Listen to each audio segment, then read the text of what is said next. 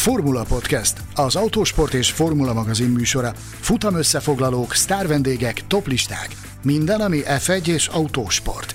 Ha szeretnél hozzájárulni a műsor készítéséhez és fejlődéséhez, látogass el Patreon oldalunkra, amelynek címe www.patreon.com per Formula Podcast. A Formula Podcast virtuális stúdiójában Mészáros Sándor és Gellér Figergő.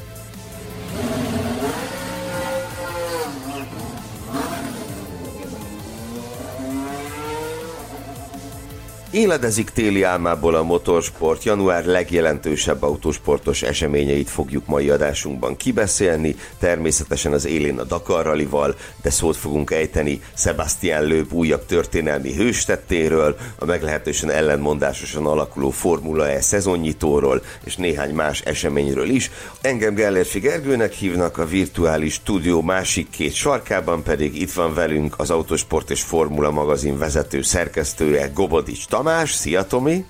Sziasztok, örülök, hogy itt lehetek!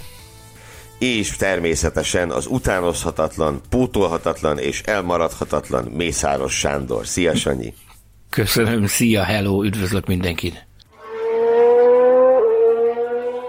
Azt hiszem az adás első felében a Dakar Rally-val kell foglalkoznunk, ahogy ugye január első felében is ez volt az egyetlen érdemi motorsportos megmozdulás szélese világon. Ugye harmadik alkalommal rendezték Szaudarábiában a Dakart, ismét egy megváltoztatott útvonalon. Ami viszont nem változott, az az, hogy a sivatag hercege Nasser Alattia ezúttal is ott volt az élmezőnyben, és ráadásul nem csak az élmezőnyben volt ott, hanem meg is nyerte az autós megmérettetést, ami történelmi szempontból is különös jelentőséggel bír, hiszen egyrészt immáron Stefan Peter Hansel után a második legeredményesebb autós a Dakar történetében ezzel Alattia, négy győzelem, tizedik összetett dobogó, elképesztő eredménylista, és hát olyasmit is végrehajtott ő idén, amit soha senki nem, hiszen az első szakasztól az utolsóig ő állt az összetett élén, erre pedig az autósok között nem volt példa korábban, sőt, bármilyen kategóriát, ha nézünk, akkor is igen ritka, több mint egy évtizede nem fordult elő ilyesmi. Utoljára egyébként még már Koma motoron csinálta meg ezt az első dél-amerikai Dakaron. Úgyhogy Alattia valóban egy, egy rendkívüli tettet hajtott végre, és, és mint mondtam, számszakilag már ott van ő Péter Hansel mögött, és itt az első kérdésem Sanyihoz, a sivatagi versenyzés legnagyobb tudorához. Jaj, hogy, jaj, jaj, jaj, óvatosan ezzel. Hogy mit gondolsz, ha az eredményeken túlnézünk, akkor is kijelenthető ez, hogy Alettia már ott van a, a leges legnagyobbak között a Dakar történetében? Nézd, én régóta fennen hirdetem ezt, hogy bár a számok azok azért még nagyon-nagyon messze vannak Péter Házeltől, de túlzás nélkül lehet kijelenteni, hogy, hogy a sivatagi versenyzés történelmének egyik legnagyobb alakja Nasser Alatiek.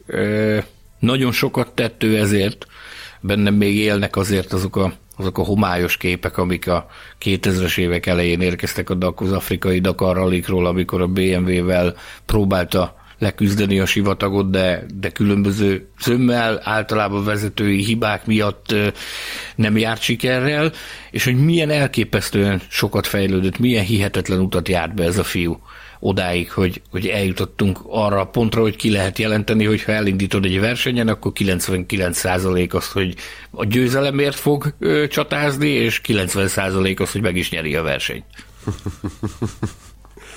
Ugye egy egészen sokszínű sportemberrel van dolgunk az ő személyében, hiszen olimpiai érmes sportlövő is egyúttal, és hát ami talán egy kicsit közelebb áll a tereprallihoz, ugye neki van egy, van egy rallis karrierje is, úgyhogy azt is kihasználnám most, hogy egy igazi rally szakértő ül itt velünk a stúdióban. Tomi, mint rally versenyzőről, Alattiáról mit, mit kell tudnunk? Hova lehet őt pozícionálni? Mert az eredménylistája igen impresszív, de hát hogy mondjam, meglehetősen változatos ö, bajnokságokat nyert ő meg, mint közel-keleti bajnokság és hasonlók. Ez így van, viszont ő azért ment Európa bajnokságon, világbajnokságon is, méghozzá ugye nem is, nem is akárhogyan, mert még azt hiszem, hogy 18-ban, tehát négy évvel ezelőtt is nyert ő Európa bajnoki futamot, ami azért, ami azért elég nagy dolog. Általában olyan helyeken szokott ő jól menni egyébként, ami most nem azt mondom, hogy olyan, mint a Dakar, de hogy, de hogy ilyen murvás és elég speciális versenyeken szokott ő igazán igazán jól szerepelni. Úgyhogy, de nyert ő úgy VB futamot, azt hiszem, hogy sokkal, sokkal ralisabb pályákon is tudott első lenni. Úgyhogy én mindig idézőjelben az igazi, vagy, a, vagy az igazi rally versenyzőknek szoktam szurkolni a Dakaron. Most ilyen szempontból szerencsém volt, mert ugye az első két helyen ilyenek versenyeztek egymással, és hát azt sajnáltam, hogy az öreg Carlos nem, nem tudott fölcsatlakozni. Egy picit még itt Nasser alattiákról elmélkedve két dolgot célszerűnek tartok megjegyezni. Az ő ugye én a, a fejlődését emeltem ki, hogy, hogy honnan hová jutott, hogy ez minek tudható be. Te pedig említetted a, a sportlövészetet, ugye, amiben olimpiai ezüstérmes. Nekem hála jó Istennek nagyon sokszor volt alkalmam beszélgetni vele, kötetlenül is, interjú formában is, és jó néhány alkalommal rámutatott arra, hogy a, a sportlövészet, mint olyan, az nagyon sokat segített neki a koncentrációs készségének a, a csiszolásában, és ő maga ha, ha beszélgetsz vele, biztos, hogy rá fog mutatni arra, hogy a két dolog között nagyon szoros összefüggés van, hogy ez a zabolázatlan, végtelenül gyors fiú, aki a 2000-es évek elején gyötörte a, az x és BMW-t az afrikai sivatagban, a Zaharában, és soha nem jutott el a célig, annak a srácnak milyen sokat nyomott alatba a sportlövészet és a, a koncentrációs készség csiszolása, hogy ő végül, végül olyan összeszedett tudjon lenni, mint amilyen, mert egy hihetetlenül jól összeszedett és precíz versenyzőről beszélünk. A másik, ami nagyon fontos az ő felemelkedésével kapcsolatban, az a, az, az ő évről évre lebonyolított versenyprogramja. Soha nem fogom elfelejteni, egyszer Marokkóban egy rajtra várva egy kamionnak, egy szervizkamionnak a hűvösében ücsörögtünk a kerék mellett, és akkor megmutatta telefonját a következő évi versenyprogrammal, ahol, a, ahol az 52 az 52 hétvégéből gyakorlatilag 46 hétvégére volt neki beírva különböző versenytevékenység, akár terepralli, akár, akár rally, amikor nem az a, az a néhány szabad hétvége, ott pedig, ha emlékeim nem csalnak, akkor tesztek voltak beírva, valamilyen promóciós tevékenység, illetőleg egy fotózás a királyi családdal, mert ugye ő a, a katari uralkodó családnak a, a tagja, ami ugye, mint azt a, a szponzori portfólió látja, azért szponzori portfólióból látjuk, nagyon sokat hozzátesz ahhoz, hogy ő ilyen grandiózus ambiciózus versenyprogramot tud bonyolítani évről évre. És még, még egy dolgot szeretnék hozzátenni az ő versenyzéséhez, hogy a rally autóját, amivel az utóbbi két évben versenyzett, annak a főszerelője a Baranya megyei Borsos Péter Magyarországról, úgyhogy van magyar kötődése is, Sanyin kívül. Sőt, Elképesztő. elmondanám, hogy neki magyar neve is van, ugye őt a magyar szurkolók előszeretettel emlegetik Attila néven. ugye többször gyert ő Hungarian Bahát, a terepralli világkupának a magyarországi futamát többször is megnyerte, és ugye ő úgy jön ide haza, tehát úgy jön ide hozzánk, mint ha hazajönne. Ezt sokszor, sokszor nevettünk ezen, és egyszer emlékszem rá, hogy egy, egy Hungarian Baha sajtótájékoztatón, előzetes sajtótájékoztatón megkérdeztem tőle, hogy te figyelj, te jössz ide mindig nyersz, már magyar neved is van, Attila, miért nem, miért nem kérvényez egy magyar állampolgárságot? És egy nagyon jó néven vette a lapot, elkezdett kacagni, mondta, hogy ez megfontolandó, mert egyébként nagyon szeret ide, ide jönni hozzánk, mert, mert szereti a magyar kaját, meg szereti a magyar embereknek a mentalitását. Még egy utolsót hadd kérdezzek közben itt, amit beszéltetek, átböngésztem alatti a e, rallis eredménylistáját, és kimondottan Tomihoz fordulnék, hogy látom, hogy ő kétszeres VRC 2 bajnok, világbajnok, ezt világbajnoknak hívjuk a ralliban, aki a VRC 2-t megnyeri? Ez így van, ezt világbajnoknak hívjuk. Az, hogy Aha. ennek mikor mennyi az értéke, az az aktuális szezon. Nyilván, nyilván. Viszont, hogy visszamentem, látok egy ilyet, hogy PVRC bajnoki cím még egészen 2006-ig, tehát a Dakaros debütálása idejére kell visszamenni. Az micsoda, hogy PVRC? Ez a, az akkori VRC2 gyakorlatilag. Akkor, akkor ezekkel az N csoportos privát autókkal kellett ja, versenyezni. Itt a privát? Igen, hát itt igen, ez a félig meddig utcai vagy utcaiból épített eh, autók mentek még akkoriban, és azzal lett ő, lett ő bajnok is, meg szerintem lett ő talán harmadik is nem sokkal később. Értem, értem, értem, értem. Na, tovább vagy rácsatolva itt egy gondolatra, amit korábban említettél, ugye, hogy az igazi ralisok a Dakaron, ugye valóban itt az első két helyen egy ö, ö, ilyen versenyző végzett, második helyezett Sebastian Löb lett a ProDrive-val, én azt javasolnám, hogy Löböt most ugorjuk át, mert róla még külön fogunk beszélni ebben az adásban, viszont szóba hoztad Carlos Sainzot, aki az idősebbet természetesen, aki az Audi színeiben állt rajtozott Dakaron, és azt hiszem, hogy az egész Audi projekt ez, ez megér egy-két szót. Ugye egy, egy igen erős hármassal indult meg az Audi, Stefan Peterhansel természetesen a, a vezérhajó, hogyha lehet ilyet mondani, hogyha Dakarról van szó, akkor mindenképp ő az első számú, és hát azért ugye ott van Carlos Sainz, többszörös rally világbajnok és többszörös Dakar győztes, valamint az elmúlt évtizedek szerintem egyik legsokoldalúbb autóversenyzője Matthias Ekström, aki ugye mindössze második Dakarján vett részt, és nyert szakaszt ezzel az Audival tehát Ekström azt azonnal bizonyította, hogy itt is lehet neki keresni valója. Ugye az Audi, azt láthattuk ezzel az alternatív meghajtású autóval, ami ugye az első ilyen nem hagyományos meghajtású autó, ami szakaszt nyert a Dakaron, hogy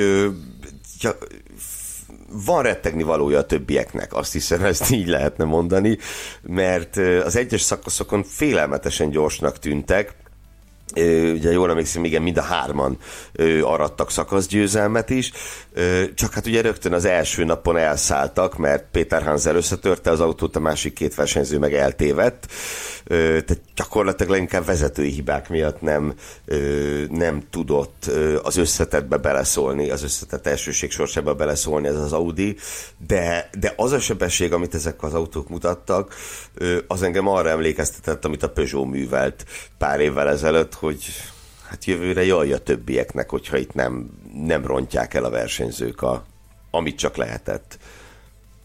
Kétkedést vélek felfedezni az arcokon?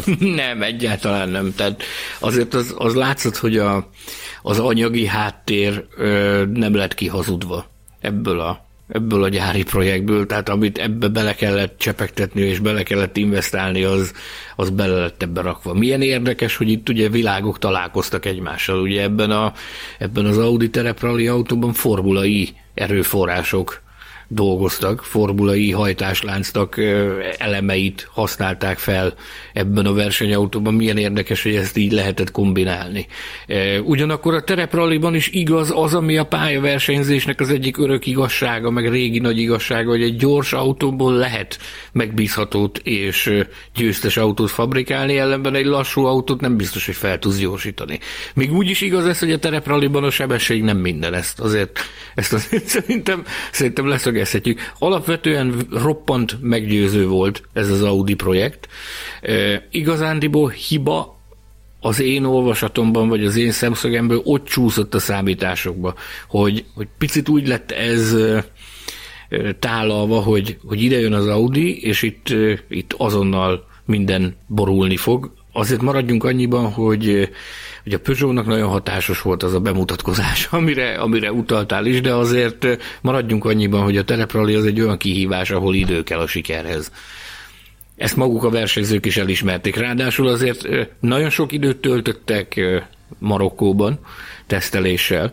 Ezt azért a verseny alatt én azt vettem észre a nyilatkozatokat hallgatva, meg olvasva, meg beszélve is, a csapat egyes munkatársai, vagy azt próbálták kommunikálni, hogy hát itt azért olyan nagyon sok idő nem jutott a tesztelésre, maradjunk annyiba, hogy azért rengeteg borzalmasan sok kilométert pakoltak ebbe az autóba Marokkó különböző területein, ahová, ahová be lehetett szivárogni itt a, a, a covidos lockdown miatt. Nagyon sok időt töltöttek tesztelése, többet annál, mint amit bevallottak. Én azt gondolom, hogy, hogy ennek a programnak lehet, lehet jövője. Tehát azt gondolom, hogy számolnunk kell velük a jövőben kép ilyen versenyzői erővel, mint amit felvonultattak. De pont ez volt az érdekes egyébként, hogy ugye nem nagyon voltak komoly technikai problémáik. Inkább azt lehetett volna várni, hogy majd ez nem lesz még olyan kiforrott technika, sivatagban esetleg lesznek ezzel problémák, de hát arra szerintem nem sokan gondoltunk volna, hogy ez a pilóta felállás, ez gyakorlatilag minden ponton sérülni fog, és mindegyikük hibázni fog. valamit. Úgyhogy ez volt nekem kicsit a meglepő, hogy pont ezek a nagy nevek húzták keresztül a dolgot. Azt azért egy kicsit én túlzónak érzem, hogy most itt telekürtölték a médiát a riválisok azzal, hogy az Audit meg kell állítani valamilyen szabályozással, és ők, ők így nem essenek még egyszer. Hát jobb autót kell csinálni, aztán akkor nincs miről beszélni. Ugye zömmel sérülések álltak itt a háttérben, amik különböző incidensek kapcsán ö, keletkeztek az autókon. Tehát igazándiból én itt látom a, az audi a sérülékenységét. Tehát nem, a, nem az üzemelésben, hanem, hanem ezek, a, ezek a fiúk pontosan tudják, hogy mit kell, egy milyen terhelésnek lehet kitenni egy autón. Mi az mondjuk egy bukkanó esetében, amit elbír a technika, és mi az, ami nem. És például a Péter Házel esetében ugye az a, az a szétrobbantott futómű, az pontosan erre volt visszavezethető, hogy, hogy ezt nem tudta, hogy ezt a terhelést már nem fogja elbírni az autó. Tehát igazándiból itt, itt lehet a, a sérülékenységét felfedezni a, a történetnek. Hmm. Hát ugye az Audi esete is igazolja azt a nagy, nagy terepről is igazságot, amit Sanyikám szoktál nekem emlegetni, hogy nem szakaszt kell nyerni, hanem összetettet, mert ilyen szakaszgyőzelmekkel már jól állnak, és hát ez más kategóriák egyes szereplőire Tele is, van a padlás szakaszgyőzelemmel. Én mindig Péter Házelnek az utó, tehát az utolsó afrikai Dakart, a 2007-es szoktam felhozni példaként, amit Péter Házel úgy nyert meg összesítésben, hogy nem nyert szakaszt. Egyetlen egyet sem mint egy, mint egy fantom lopakodott a radar alatt, és, és úgy nyerte meg a, a 2007-es utolsó afrikai Dakar. Igen, vagy hát a tavalyin is egyet nyert összesen. Na de azt oda akartam még kitérni, hogy más kategóriákban is ez ismét bebizonyosodott, hogy mennyire igaz ez.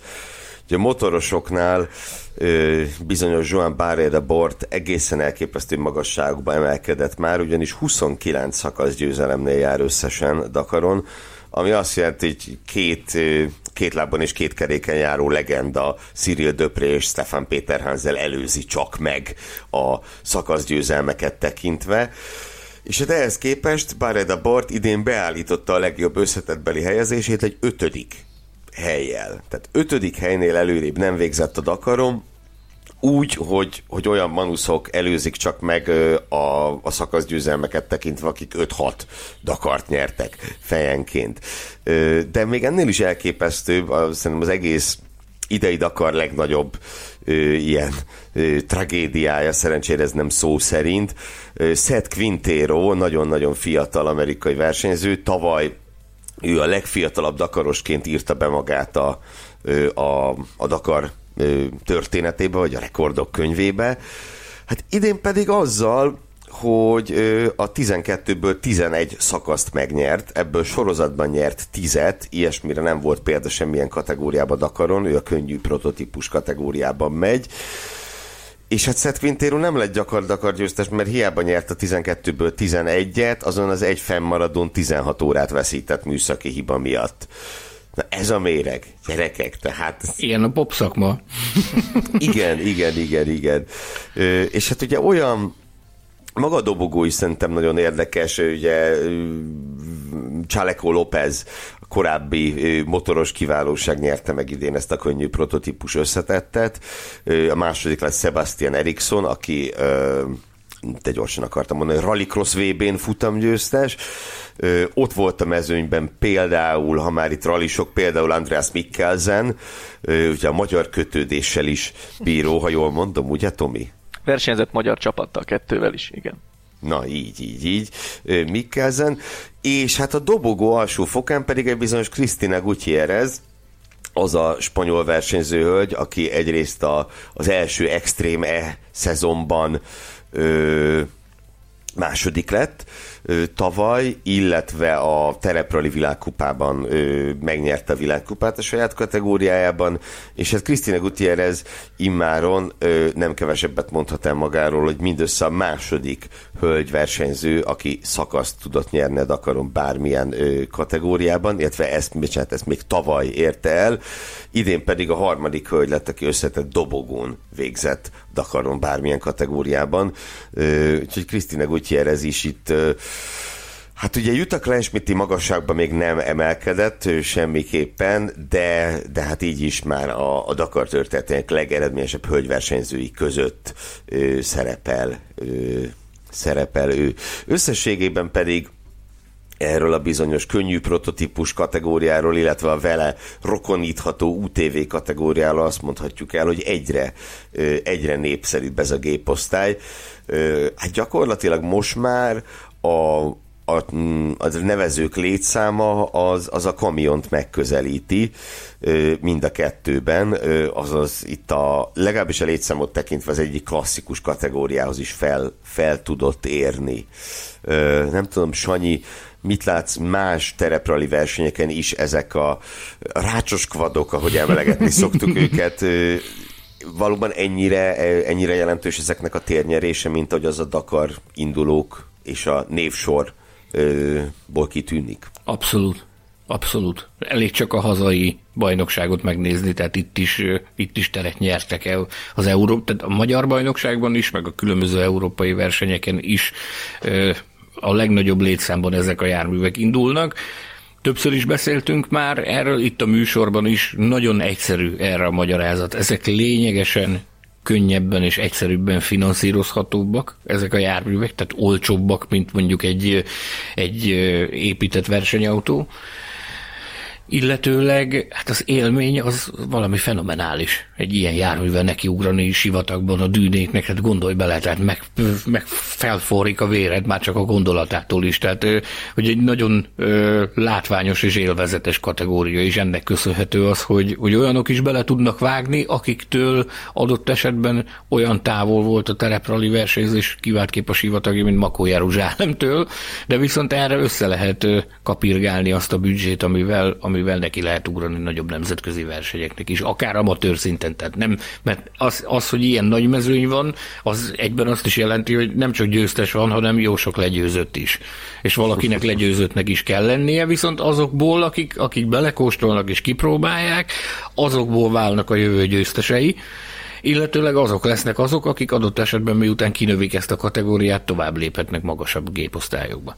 Hát tavaly például Extrém is még maradjunk ennél megnevezésnél rácsos kvaddal közlekedett. Egyébként ültél már ilyen járműben? Igen, elképesztő élmény. Csak ha, ha álló helyzetbe beleülsz, és csak ott abban belegondolsz, hogy milyen lehet ezzel menni dűnén, az, az már egy fenomenális és vérforraló érzéssel tupírozza meg a testedet. Hmm. Vajon hagyományos rallira alkalmasak lennének ezek a járművek? Valószínűleg kevéssé. Főleg egy jó aszfalt versenyen mondjuk nem hiszem, hogy nem hiszem, mondjuk a Monte Carlo rally ezzel nagy élmény lenne elindulni. Aligha, aligha. na jó, a kamionokról kell még mindenképpen beszélni. Jaj, jaj, szíven ütöttél. Szíve, már ez az egy mondat, már ez az egy mondat, ez az elfacsarta a szívebe. Tehát ugye nekünk, nekünk mi, mi be voltunk nevezve erre a versenyre, a kvalisport. Csak sajnos nem készültünk el a, a, a, az új versenyjárművel, ami, ami most már tényleg az utolsó simítások zajlanak rajta a műhelyben, úgyhogy én, én, én, én fájó szívvel, meg könnyes szemmel néztem minden este az összefoglalót, kiváltképp annak fényében, hogy ez egy csodálatos Dakar volt. Tehát erről még nem beszéltünk például, tehát hogy, hogy szervezettség tekintetében, illetőleg terep tekintetében én azt gondolom, hogy a, a dél-amerikai kiruccanások, hát azok azért mindig hagytak némi kívánnivalót maguk után. Ugye az első ö, szaudi versenyről már nagyon jó visszajelzések jöttek, a tavalyiról is nagyon jó visszajelzések jöttek, az ideiről meg aztán pláne padlót fogott tőle, mindenki azt mondta, hogy szenzációs volt. Tehát olyan területekre vitték el a szervezők a mezőnyt, amire, amire tényleg azt lehet mondani, hogy adta a terepralinak a savát borsát. Ugye a dél-amerikai versenyek azok zömmel, kis homokkal megturbózott VRC futamok voltak. Erről mindenki mindig úgy jött haza, hogy azért ez, ezt azért nagyon óvatosan nevezhetjük Dakarnak. Ez viszont mindenki azt mondja, hogy ez adta a Dakarnak a savát borsát, és ez minden kategória, minden géposztály, minden indulója ugyanezt mondta. Annak ellenére is, amire utaltál, itt voltak különböző navigációs problémák. Ugye átállt a Dakar már erre a digitális, meg maga a tereprali világa átállt erre a digitális itinerre, ami azért azért jócskán visszavágja a, a hátországoknak a, a, a szerepét. Ugye eddig, amikor megkaptad egy termek, ez elsősorban a nagyon nagy indulókra volt jellemző, tehát a, a, a, a különböző kategóriáknak az elitjére, hogy megkapták a papíros itinert, És akkor a navigátor az ő stábjával együtt nekiállt, és bedarálták azt, hogy abból a létező legakurátusabb megírt itiner, itiner származon. Ezt mindenki úgy csinálta, ahogy tudta. Nyilván, aki tehetősebb, meg, meg nagyobb hátországa van, az nagyobb energiákat fektetett bele, az olyanok, mint amilyenek mi vagyunk, azok mi leültünk a kamionnak a, kamionnak a végébe, és szépen elkezdtük a, a szövegkiebelővel írkálni Ceglidi Péter vezetésével az itinert. És ezzel, hogy, hogy most már átállt akar erre a digitális megoldásra, meg úgy mondom, hogy a tereprali világ átállt a digitális itinerre, ez az azért a hátországoknak a szerepét jócskán leszűkítette, vagy jócskán visszavágta, és ebből adódtak azok a navigációs hibák, amiket, amiket hallottál a verseny közben, hogy, hogy őrjögtek emberek az itiner miatt, hogy, hogy ilyen az itiner, meg olyan az itiner. Hát az itiner az olyan volt, amilyen, maradjunk annyiban, hogy az a háttértámogatás nagyon sokaknál hiányzott, amik, amire korábban azért lehetett építkezni. Na és akkor kezdjünk beszélgetni a kamionokról, nem akarok tovább rabolni az időt ezzel. Hát itt ugye mindenek előtt a kamazról kell beszélnünk. Jaj, most megint szíven ütöttél. Hát hiszem, arról a kamazról, amely az elmúlt két évtizedben, ha nem is egyeduralkodó, de hát azért a Dakarok jelentős hányadát, 80-90 százalékát behúzta. Idén viszont olyan, olyan mészárlást rendeztek, amit talán Mit rendeztek? Minden... Hogy? Hogy mondtad? Jaj. Jaj ami hát tényleg minden eddig itt felülmúl valószínűleg. Ugye a négy kamaz végzett az első négy helyem. Az hagyján, hogy minden szakasz megnyertek, de ennél is keményebb a helyzet, ugyanis egyetlen egy olyan ellenőrző pont volt, szakaszon belüli ellenőrző pont, ahol éppen nem kamazált az adott szakasz élén, az is az utolsó napon, amikor a csilei Ignáció Kazale egyetlen egy szakaszon a kamazok előtt volt, aztán az elmúlt gyorsan, de hát összességében a napi dobogóra se nagyon fért oda más rajtuk kívül, és hát végül címvédés történt, Dimitri Szotnyikov és harcos társai zsinórban másodszor szerezték meg a, a, a Dakar győzelmet. Ugye az összetetben hát három órán belül, belülre nem került senki hozzájuk képest, talán azt kell még elmondani, mielőtt átadnám a terepet Sanyinak, hogy méltassa a nagy, a nagy riválist, hogy azért volt itt egy jelentős hiányzó, ugyanis a Belorussziával szembeni szankciók miatt a, a MAZ vagy a, a vagy MAZ kamionok nem érkezhettek meg, és ott ugye elsősorban a Vjazovics fémjelezte egység, ha nem is a győzelem sorsába, de talán az egyes szakaszokon bele tudott volna szólni ebbe a küzdelembe. Hát nem így aztán, hogy ők ott sem voltak, így ők nem tették, más meg nem nagyon tudott. Mit lehet kezdeni ezzel, Sanyi? A, le lehet-e győzni a kamaszt egyáltalán? Az én meggyőződésem az, hogy nagyon speciálisan kell állnia a, a csillagoknak az égen ahhoz, hogy a kamaz versenyt veszítsen. Így, fog, így jelenállás szerint így tudom megközelíteni. Picit az idei Dakar az olyan volt, hogy magukra hagyták a kamaszt. Tudod? Ugye hiányzottam az, illetőleg ott volt ugyan a Team de Roy, de nem volt ott a vezérpilóta Gerard, akinek ugye megvan az a tehetsége, megvan az a tapasztalata, megvan az a félelmet nem ismerő könyörtele hozzáállása, ami szükséges ahhoz, hogy, hogy egy kamaz ellen menni lehessen. Ugyanis ott volt ugye János van Kasteren, aki nagyon szépen gurigázott a, a kamazok mögött, de, de igazándiból nyomást gyakorolni, vagy veszélyeztetni, vagy veszélyt jelenteni rájuk képtelen volt, és ez tökéletesen megmutatta a pilóta szerepét. Ugyanezzel a, az autóval, ugyanezzel a technikával Gerard Roy biztos, hogy meghúzgálta volna a bajszukat. Ugye ez a, ez a két elem, aki, aki képes az utóbbi években képes volt veszélyeztetni gyakorlatilag a, a kamaznak a, az, az egyeduralmát. És akkor itt rá is kanyarodhatunk arra, hogy miből fakad ez. Ezt a Formula Podcast Facebook csoportban is kaptunk kérdést ezzel kapcsolatban, hogy, hogy minek tudható be ez az elképesztő dominancia, amit a kamaz produkál. Ez egy nagyon sok összetevős ö, végtermék gyakorlatilag, amiket látunk ezek a, ezek a csodálatos monstrumok.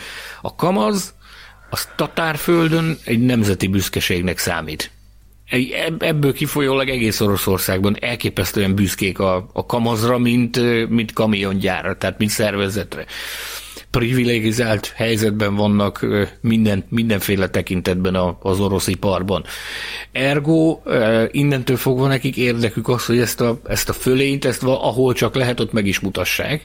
Erre pedig a tereprali egy tökéletes platform, ahol, ahol meg lehet mutatni azt, hogy milyen technikai színvonalat képviselnek.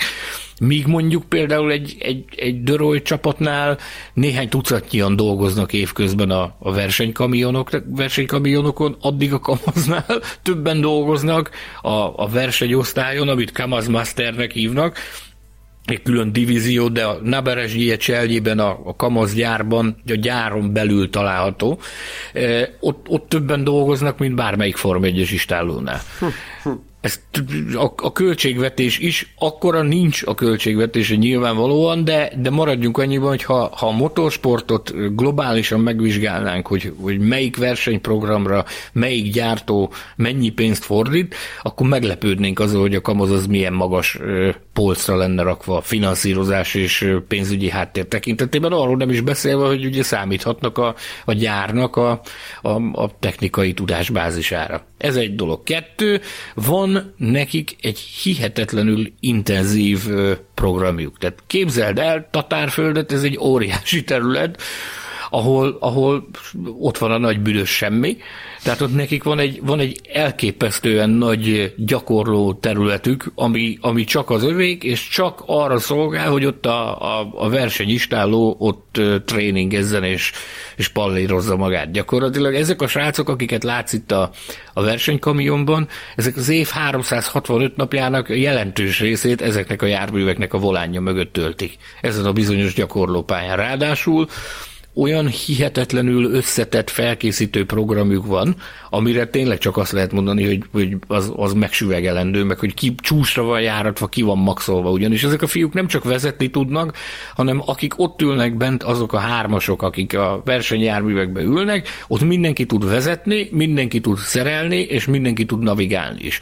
Úgy képezik ki őket, hogy, hogy ezt, ezeket a feladatköröket, ezt tudni kell teljesíteni. Ráadásul verseny van, házon belül is, tehát nem mindegy, hogy, hogy ki milyen teljesítmény nyújt ezeken a, ezeken a nevezzük edzőtáboroknak, ugyanis, hogyha nem hozod azt a szintet, amit hoznod kell a többiekhez képest, akkor egész egyszerűen első körben elveszíted a volánt, tehát nem vezethetsz, ha, ha más területen tudod hozni azt a szintet, amit megkívánnak, akkor kapsz más pozíciót a, a, a fülkében, vagy, a, vagy a, a, az egységben. Ha az sem, akkor pedig egész egyszerűen kikerülsz a körből.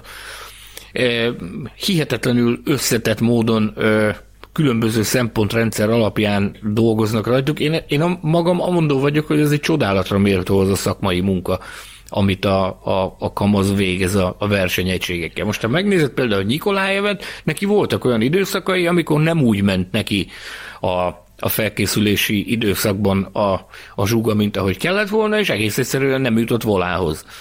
Nem. Pedig a Cságin utáni időszak legeredményesebb kamionversenyzője.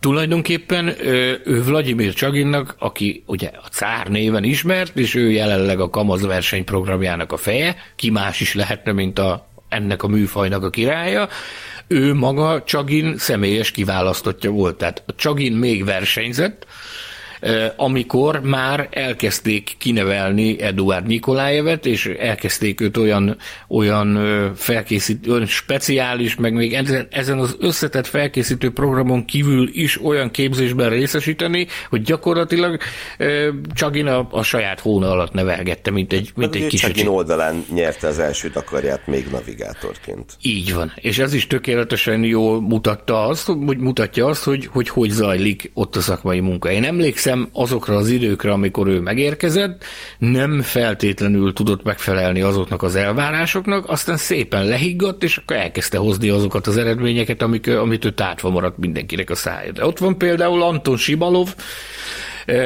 Gyakorlatilag ezek ellen a srácok ellen, akik jelenleg a kamaszban versenyeznek, különböző versenyeken összetalálkoztunk már mi is. Tehát versenyeztünk már ellenük. A Szotnyikov ellen is, a Karginov ellen is, a Sibalov ellen is, a Nikolájev ellen is, de még annak idején a Csagin ellen is versenyeztünk a Szilkvér Ralikon.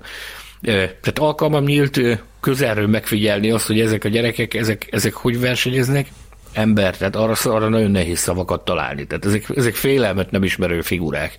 Tehát például az egyik legszimpatikusabb az a Sibalov, aki, aki kipattan a kamionból, és amikor szembe talál azt mondta, hogy ez, ez, ez, ez egy kölyök innen a, a sarki gimnáziumból, vagy valami, és amikor látod, hogy hogy megy, a, hogy megy az autóval, akkor azt mondod, hogy te atya úristen, ezt lehet így csinálni. Ezeket a fiúkat gyakorlatilag erre trenírozzák, erre vannak kiképezve, minden adott ahhoz, hogy, hogy ők a legmagasabb szinten teljesítsenek, és az elvárás is velük kapcsolatban. Például most a napokban néztem, ugye véget ért a Dakar, volt utána egy kisebb, egy kisebb időszak, amikor lehetett pihenni, és most a napokban voltak például a Tatárföldi Minisztériumban, ahol külön kitüntették őket a újabb sikerért, tehát ez is nagyon jó mutatja azt, hogy, hogy milyen, milyen óriási nemzeti büszkeség Tatárföld számára is, és Oroszország számára is a kamaz.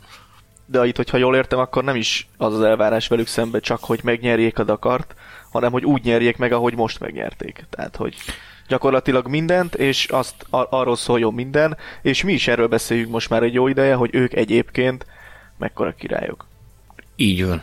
Így van, ez, ez elvár. Én láttam már Kamaz csapatfőnököt ajtót csapkodni és ordibálva tombolni azért, mert, mert nem megfelelő volt az előny, amivel a... a amivel nyertek. igen, igen, igen, igen, igen. Egyébként ez egy érdekes őket megfigyelni például a, a szervizparkban. Nekem van itt egy ilyen kamazos uh, trikom, amit, amit annak idején meg egy Nikolájevtől kaptam. És ezt hát kértem tőle két évvel korábban, hogy nekem kellene egy ilyen trikó, és akkor mondta, hogy hát amikor alkalmas lesz, akkor majd adok. És én nem értettem, hogy mondom, mi, mi, olyan, mi olyan fene nagy bonyolultságú dolog ebben, hogy tessék, itt van, mert ugye ez egy szokás a verseny végén, gyak, megbeszéled a verseny elején, és akkor a verseny végén trikót cseréltek Oda egymásra. tudnál lopúzni az értekezletre, mi? Képzeld el, hogy így van, hogy annyira, ez, ők az egyetlen csapat, akik, akiknél van nap elejé és nap végi megbeszélés is, csapat szeánsz, amikor a főnök jelen esetben, amikor ez történt, akkor Szemjön Jakubov ő is Csaginnak egy korábbi navigátora volt, egy ideig Csagin előtt ő vezette a visszavonulását követően, ő vezette a, a, a kamaszba azt listálót, akkor még a Jakubov volt a, a, a nagyfőnök, és az úgy néz ki, hogy akkor ott összejönnek a, a, a táborban a számukra elkülönített területen, és akkor ott körbezárnak úgy, hogy még csak ne is halld azt, hogyha kívül lopózol, meg ott ácsorogsz, hogy ők, hogy ők, ők miről beszélnek kötelező viselni a, a szerelőknek is akkor a csapatuniformist, utána kell elmenni átöltözni szerelőruhába, tehát a, a megjelenésre is nagyon-nagyon sokat adnak a kamazosok, és ez nem osztogatnak pólót meg sapkát, még csak véletlenül se, azért, mert, mert ezzel védik a, a, a saját szférájukat, hogy nehogy véletlenül valaki belopózzon közéjük, és véletlenül megértse az oroszt tatárföldi akcentussal, hogy ott éppen mi hangzik el ezen a, ezen a, ezeken a meetingeken nagy szívfájdalmam nekem, hogy a, a Kamaz egykori nagy ellenfele a Tátra az idén. Hát talán talán még lejjebb süllyedt az összetetben, mint korábban, ugye most már a tíz közelébe se tudtak odaférni. Pedig nagyon-nagyon jól eshetett volna a cselelkeknek, hogyha, hogyha egy szép eredmény dob a tátra a nem sokkal a Dakar előtt elhunyt Carello Prai emlékére, hiszen ahogy, ahogy tavaly Uber Oriol a Dakar alatt hunyt el, idén is egy igazi legenda távozott, két nappal vagy három nappal a rajt előtt Carello Prai személyében. Ugye hatszoros Dakar győztesről beszélünk az ő, az ő személyében, 88 és 2001 között nyert összesen hat alkalommal, természetesen minden alkalommal Tátrával, és hát azon kevesek egyike közé tartozik, aki a, a Dakar úr elnevezést kiérdemelte a médiában. Természetesen még Péter Hansel feltűnése előtt őt Monsieur Dakarnak keresztelték el, amikor 94-ben azt a tényleg rendkívüli tettet hajtotta végre, hogy az autós kamionos összevont értékelésbe lett hatodik a Tátra kamionnal, ami hát azt hiszem, hogy... Ennél egy valaki tudott jobbat. A ebben, sport ebben a tekintetben ever, hogyha, hogyha kibányászod a tereprali történelmének az adatait, a Kvalisport a 2020-as Afrika részen, amikor autós kamionos összevont értékelésben második helyen végeztünk, és egy kicsi, kicsi múlott azon, hogy, hogy, hogy a leggyorsabb autóst is megverjük. Nyilvánvalóan más az a verseny, más a Dakar, de, de akkor is emiatt, emiatt nagyon sokan megsüvegeltek bennünket. Egyébként Carello Price, hogyha említed, tulajdonképpen, hogyha megnézzük a, kami, a sivatagi kamionsportnak a, a, a történetét, az egész akkor kezdett komolyá válni, az egész történet a 80-as évek elején, amikor ugye elindult a Dakar, fölfedezték maguknak a kamionosok is, és a kamionosok között Jan de Roy elkezdett azért komoly energiákat investálni ebbe a, ebbe a vonalba, és ugye ez soha nem titkolt szándék, szándéka neki az volt, hogy ő az autókat szerette volna elkalapálni. Ugye mai napig legendás az a felvétel, ahogy a Peugeot-val például gyötrik egymást fejfej mellett a, a sivatagban, vagy citroen vagy nem tudom mi a nagyon, nagyon jellegzetes felvétel. Ő volt az első ilyen nagy alakja, tehát őt tekintjük ennek a műfaj, a, a műfaj pápájának gyakorlatilag. Aztán utána jött Carello Price, aki, aki az első volt, hogy aki ilyen, ilyen egészen komoly győzelmi sorozatot és győzelmi szériát tudott felvonultat, meg, meg, meg bemutatni, majd a, a Loprice utáni érának volt a, a következő nagy ágyúja Csagin, akinek a, az eredményeit, hát én azt gondolom, hogy még nagyon sokáig fogjuk nyugni. Ebben a műfajban is nagyon sokat kell még várni arra, hogy eljussunk odáig, hogy valaki olyan szintre nőjön fel, mint amit Vladimir Csagin képvisel. És hát ugye ő az egyetlen, már hogy a cár az egyetlen, aki felülmúlta Carello Price eredményeit, senki más a hat I... Dakar győzelmet kamionnal. Mással se nagyon, ugye én az, most így végigfutatom, ugye csak Péter Hanzel és Csagin sikeresebb nála bármilyen kategóriában. Igen, igen. Most az, hogy ugye itt van, nagyon sokan összetévesztik, fontos megjegyezni, van a mezőnyben egy Alex Loprice nevű emberke a is. gyermeke, ugye? Nem, az nem? unokaöccse, pont erre szeretnék le, tehát ezt nagyon sokan, nagyon sokan összekeverik. Ő nem a fia, hanem az unokaöccse Carello Price-nak. Ő az, aki, aki a családból tovább viszi a, a, a versenyzéssel kapcsolatos hagyományokat, és az, az előbb, amikor azokat, az, azokat a neveket soroltam, akiket mondjuk én alkalmasnak tartok arra, hogy a kamazzal és a kamasz pilótáival fölvegyék a versenyt, Ales az egyik benne is megvan az a tehetség, benne is megvan az az elszántság, az a küzdeni tudás, az az akarat, hogy, hogy adott esetben oda pörköljön a, a kamazoknak, csak hát ugye nála is hiányzik az a háttér, aminek meg kellene lennie, egyrészt technikailag, másrészt pénzügyileg, amivel, amivel ki lehet állni, és kivont karddal csatába lehet menni mondjuk a kamaz ellen. Tehát a tátrát említetted, a tátra van is, meg nincs is. Tehát maga a vállalat is hol van, hol nincs, ez egy nagyon összetett, meg nagyon-nagyon szövevényes történet. Én emlékszem még egy olyan jó tíz évvel ezelőtt, amikor a különböző cseh versenyklánok harcoltak azért, hogy akkor kikaparintsa meg a Tátrának a Tátra maradványainak gyakorlatilag a, a támogatását, aztán a végén oda jutottak, hogy azt mondta a Tátra, hogy akkor elmegy mindenki a fenébe, nem támogatunk segít, versenyezzetek, ahogy tudtok.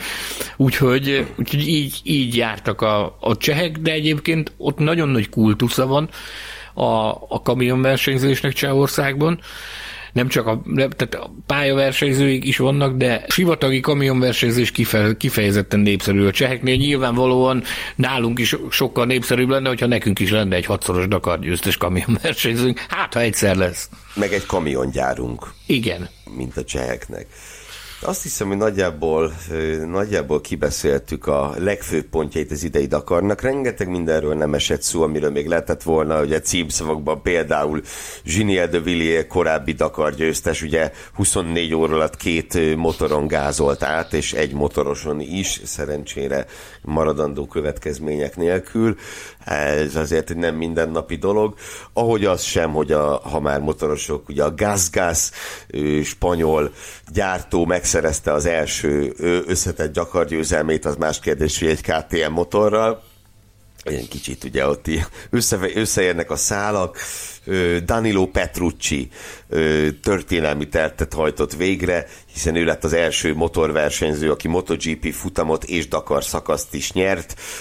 Ha már Extreme kapcsán a sokoldalúságot emlegettük, ez róla is elmondható és hát a kvadokról nem esett még szó nem véletlenül, döbbenetes mélységben van a kvad kategória népszerűsége, mindössze heten látták meg a célt az egyébként se túl nagy összesen 20 tagú mezőnyből.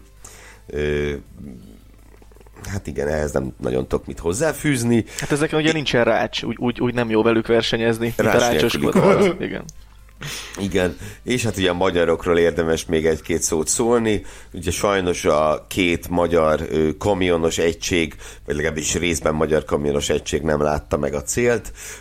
A motorosok között viszont a két határon túli magyar versenyző, Zákmeister Gábor és Gyenes Emánuel egyaránt célba ért, és ugye Gyenes Emánuel ismét erősen szerepelt, nem, nem karrierje legjobbja, de hát a Malle Moto kategóriában, vagy ugye hivatalos nevén az Original by Motul ö, asszisztencia nélküli kategóriában az ötödik helyen végzett, ugye korábbi győztese ennek az értékelésnek, ö, úgyhogy a Beírok neked egy fekete pontot, amiért a kamionos vértestvérhelyben nem említetted meg.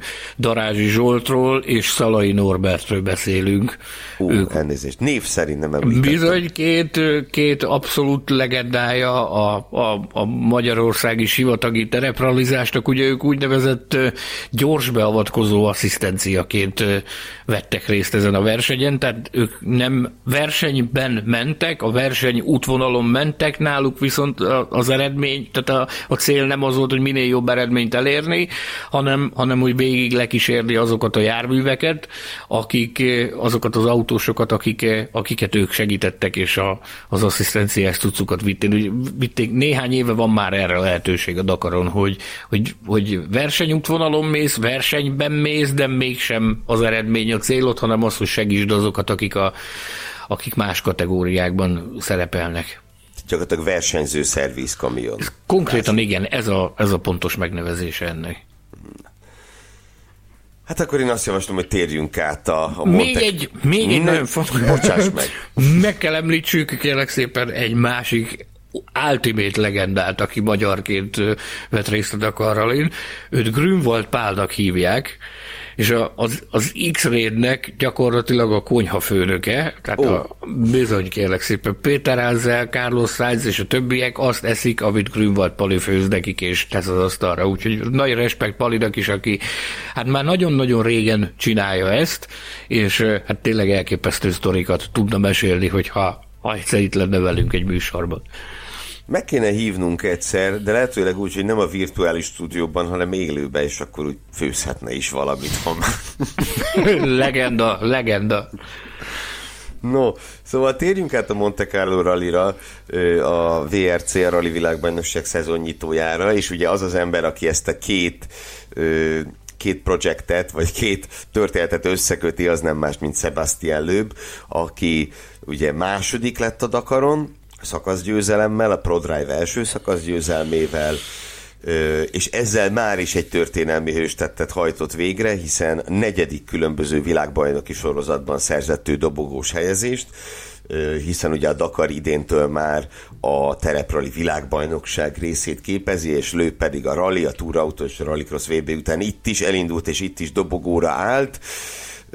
Ugye a Formula Podcast Facebook csoportban végeztünk egy kis hogy mondjam, kutakodást vagy közös elmélkedést folytattuk arra, hogy lehetette már egyáltalán autóversenyző, aki négy külön VB sorozatban szerepelt. Aztán megtaláltuk Stefan Sarazent, de hát Sarazen a, tulajdonképpen csak az Endurasban ért el komolyabb sikereket, Lőb pedig hát mind a négyben, ugye háromban futamot is nyert, és hát itt is, itt is az első, az első világbajnoki versenyen rögtön dobogóra állhatott. Na de utána, ugye a Dakar után ő elment pihenni és bulizni, ugye Tomi?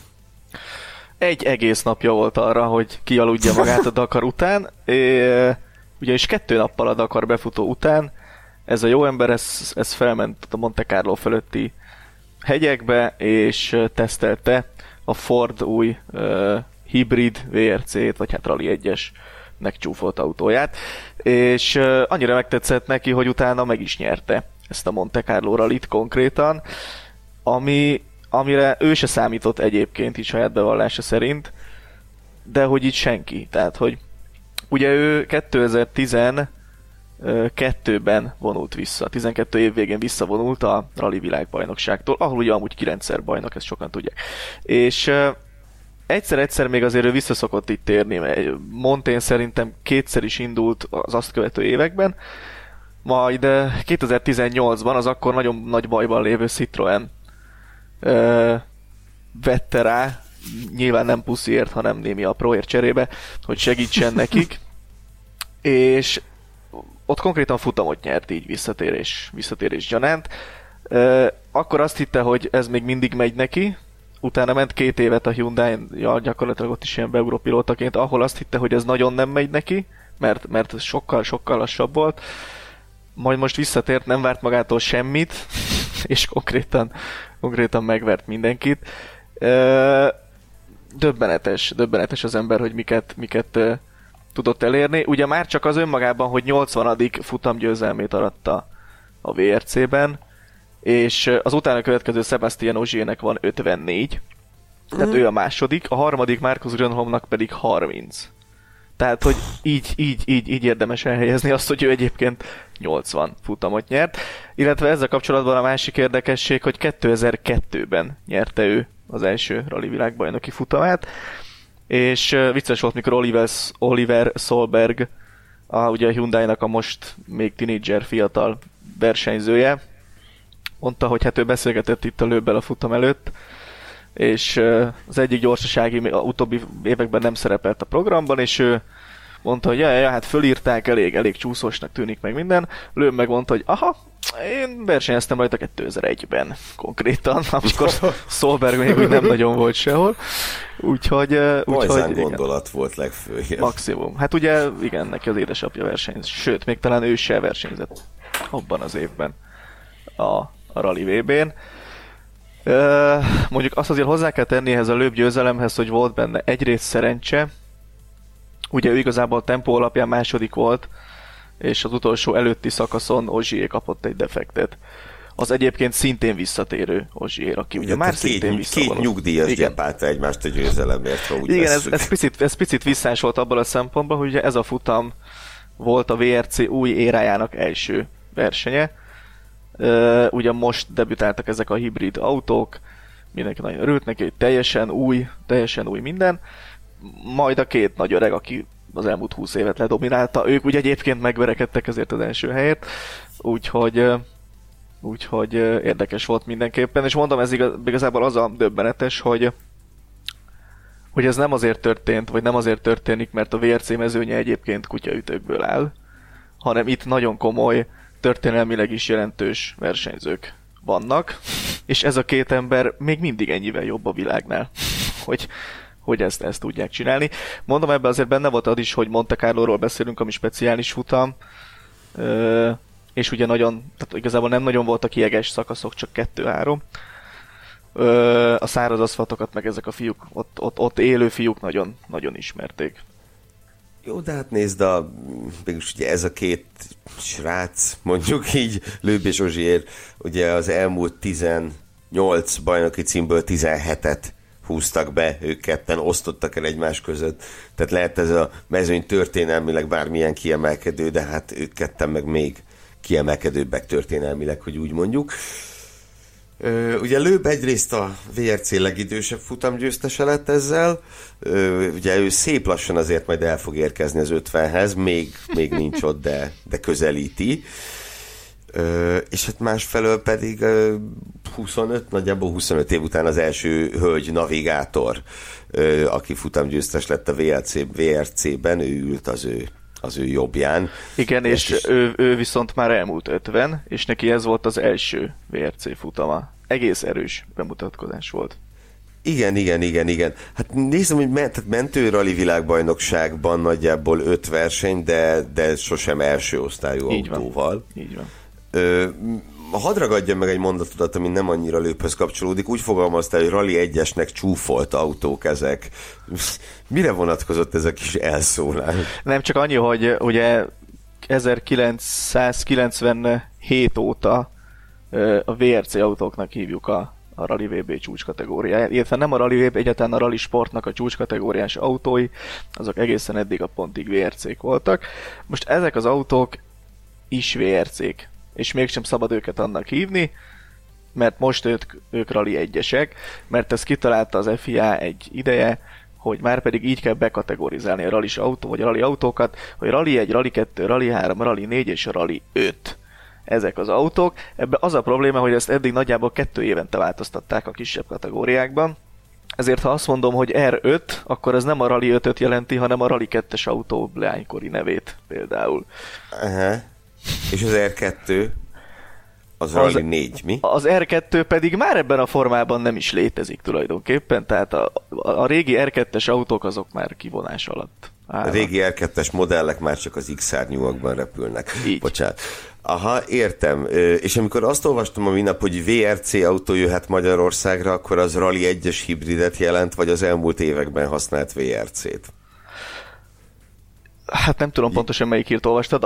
Volt egy ilyen hír, hogy hogy ezeket a Rally 1-es autókat, ezeket használhatják majd a nemzeti bajnokságok is. Ugye 2017-től az előző VRC korszakban az volt a szabály, hogy azokat a VRC autókat csak és kizárólag a Rally VB futamokon lehet, hogy mondjam, tétre menően ö, használni. Aha. És most ezt szeretnék, hogy ezek az autók ö, mehessenek akár, és ugye a gyártóknak tegyenek azzal jót, hogy megvehessék ezeket az autókat, de azt azért szeretném látni, hogy egy akármilyen csapat ezeket a hibrid rendszereket ö, úgy üzemelteti, ahogy azt, ahogy azt kell. Ha nem csak a Formula 1, hanem a MotoGP is érdekel, hallgasd a Formula Motocast adásait is. Az Autósport és Formula magazin motorsport műsora. Futamértékelések, aktualitások és minden, ami két kerék. Balog Tamással, Ferenci Péterrel és Pabdi Tamással.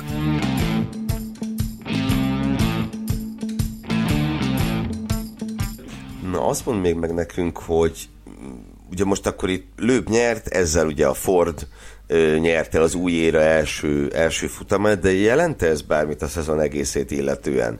Ö, kérdezem egyrészt azért, mert magad is említetted, hogy a Monte az egy kicsit sajátos esemény, ö, meg hát kérdezem ezt azért, mert Lőb nem lesz ott az egész szezonban.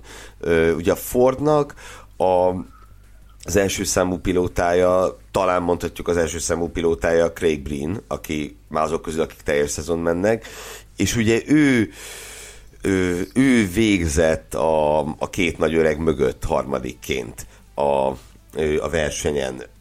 Na de jelent ez bármit a szezon egészére nézve, tehát Craig Breen lehet bajnok esélyes a Forddal, vagy azért ez egy nagyon erős kijelentés lenne?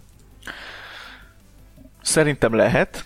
Itt uh, az kell, a Forda kapcsolatban az egy mindig egy érdekes dolog, hogy ők az összes uh, új éra első futamot, azt ők mindig nagyon jól teljesítik, és nem csak az első futamot, hanem általában az első szezon. Ugye róluk azt kell tudni, hogy ott a Ford valamennyire mögöttük áll, de ez igazából az M-Sport Malcolm Wilson cége, amelyik csinálja ezeket az autókat és értékesítés, stb. Tehát ők az egyetlenek, akik nem teljes mértékben gyári háttérrel rendelkeznek. És ezt promózták is már jó előre, hogy ők elengedték az előző két szezont, mert nem volt értelme igazából miért sokat költeni arra az autóra, és majd idéntől. És bizony itt az első futamon nem csak azért, mert Lőb nyert, de egyébként amiatt is, hiszen ugye mondtam, hogy a korábban a, a Hyundai-jal Lőb ötödik tudott lenni a Montén mondjuk két éve. Tehát, hogy azért ez nem úgy volt, hogy Lőb idejön és lever mindenkit mindig. De nem csak ő, hanem gyakorlatilag az összes Ford pilóta pokoli gyors volt a korábbi évek önmaguk teljesítményéhez képest. És valószínűleg lehet, lehet esélyes Breen, azt hozzátéve, hogy ezen a versenyen ő évek óta nem indult, és mivel a ugye ez egy négy napos verseny volt csütörtök estétől vasárnap délutánig, és péntek reggel az első gyorsaságin Adrian Formo egy akkora totálkár csinált az egyik gyári Forddal, vagy hát benevezett Forddal, hogy, hogy csoda, hogy ki tudott belőle mászni. Fú, ezt lát, szerintem a Facebook csoportban is ben volt, rendkívül csúnyán össze, összecsomagolt. Az, az brutális volt. Nagyon ritkán látni mostanában azért ekkora zakókat, nem? Akkor átrepült ugye a korlát fölött, egy hegyoldal lelökte Uf. gyakorlatilag. E, és ugye ezek után olyan információk jöttek, hogy a Ford csapat azért szólt, hogy gyerekek, értjük, három autó szerezhet pontot, abból egyet, a kettő szerezhet pontot a háromból, abból egyet leírtunk, a másik kettő ne csináljon butaságot, úgyhogy Breen nem erőltette azért nagyon túl ezt a versenyt. A következő futam sokkal inkább fekszik majd neki. De hát végül is így is azt mondod, nem erőltette túl, de hát a két nyugdíjas mögött ő lett a harmadik. Tehát, hogy végül is azért összességében ez nem egy rossz. Abszolút nem rossz eredmény, sőt várakozáson felüli eredmény, csak ha a tempót nézzük, akkor, akkor nem volt köze igazából az első köz. Ugye Monte Carlo-ról beszélünk, szinte mindenki hibázik, aki szeretne sietni. Ozsérnek is volt kettő egyébként.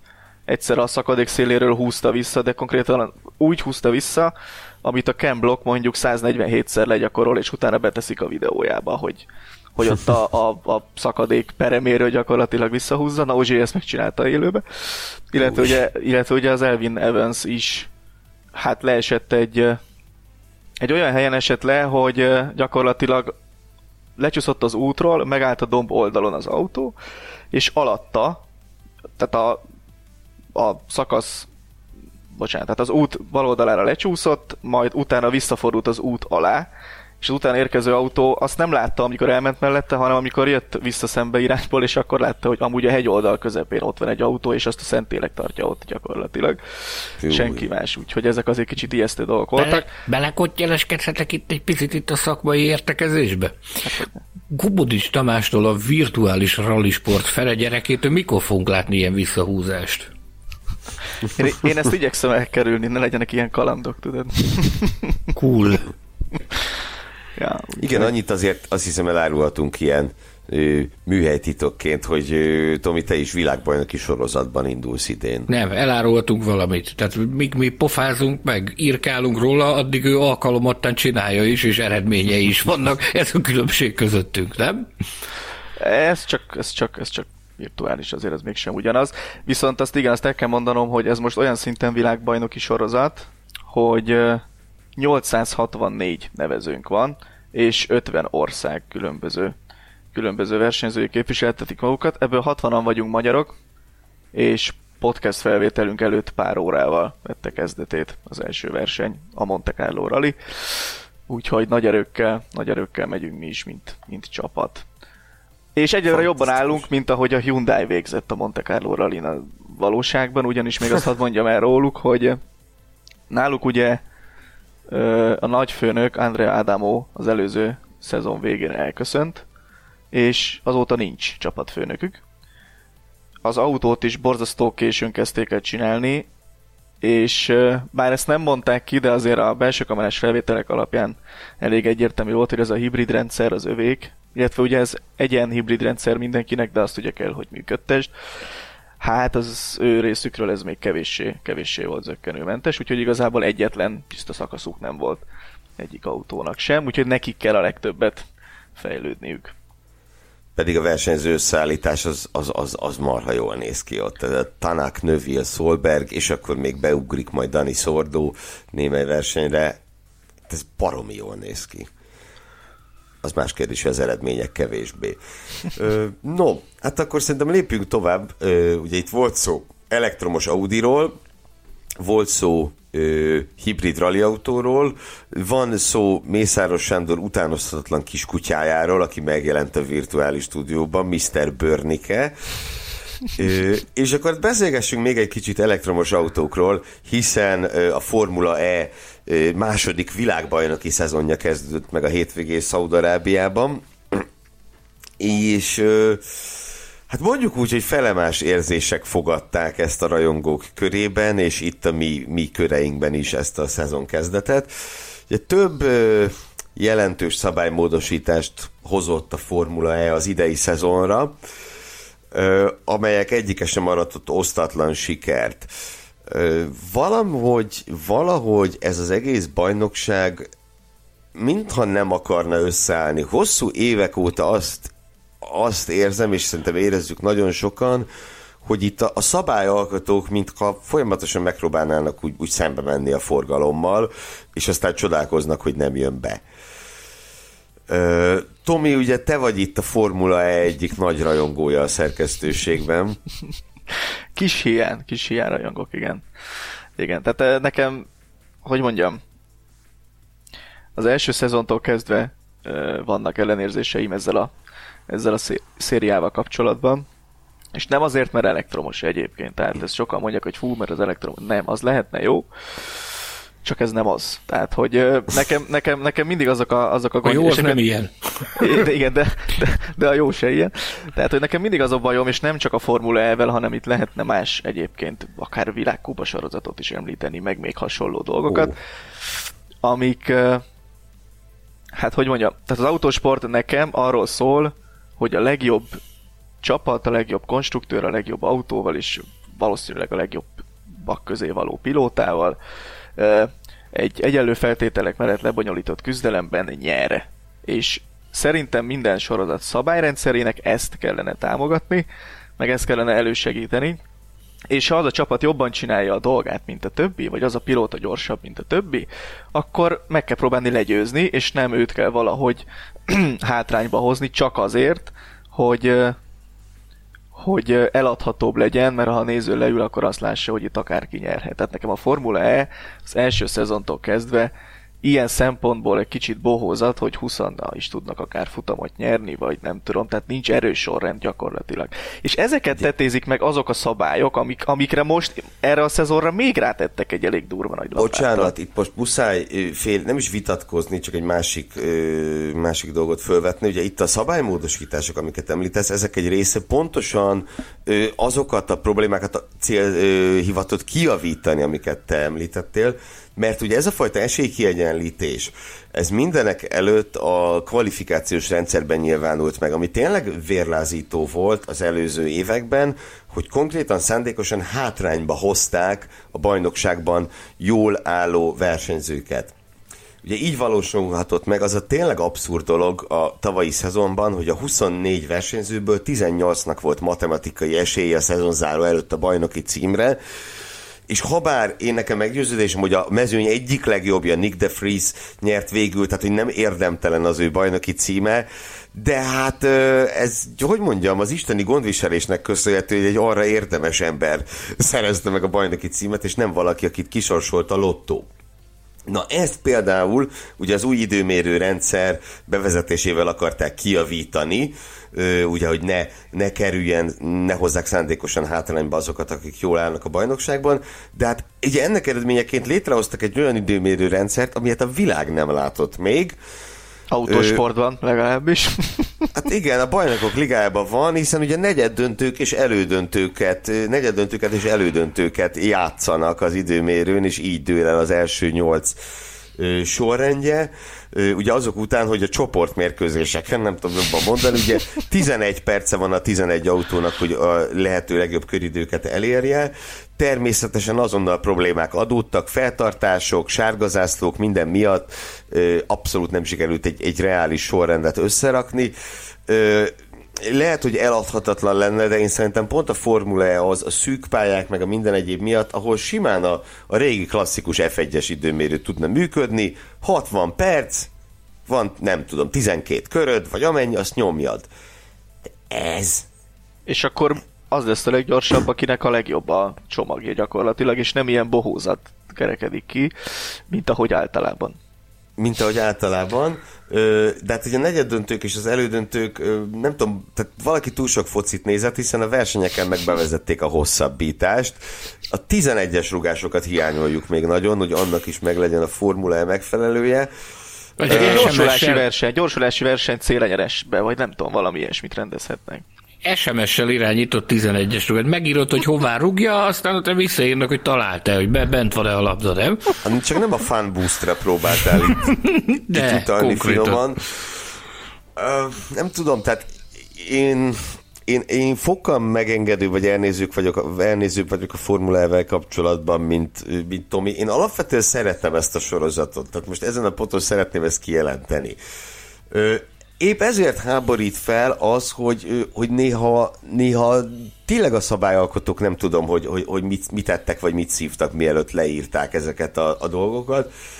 Most kiemelném Oliver Roland büntetését. Kiválóan ment, ment Roland az edzéseken, és aztán kapott egy rajtbüntetést box utcai sebességkorlátozás megsértése miatt. Ez nem egy rendkívüli dolog, hát ez más szakágakban is így van.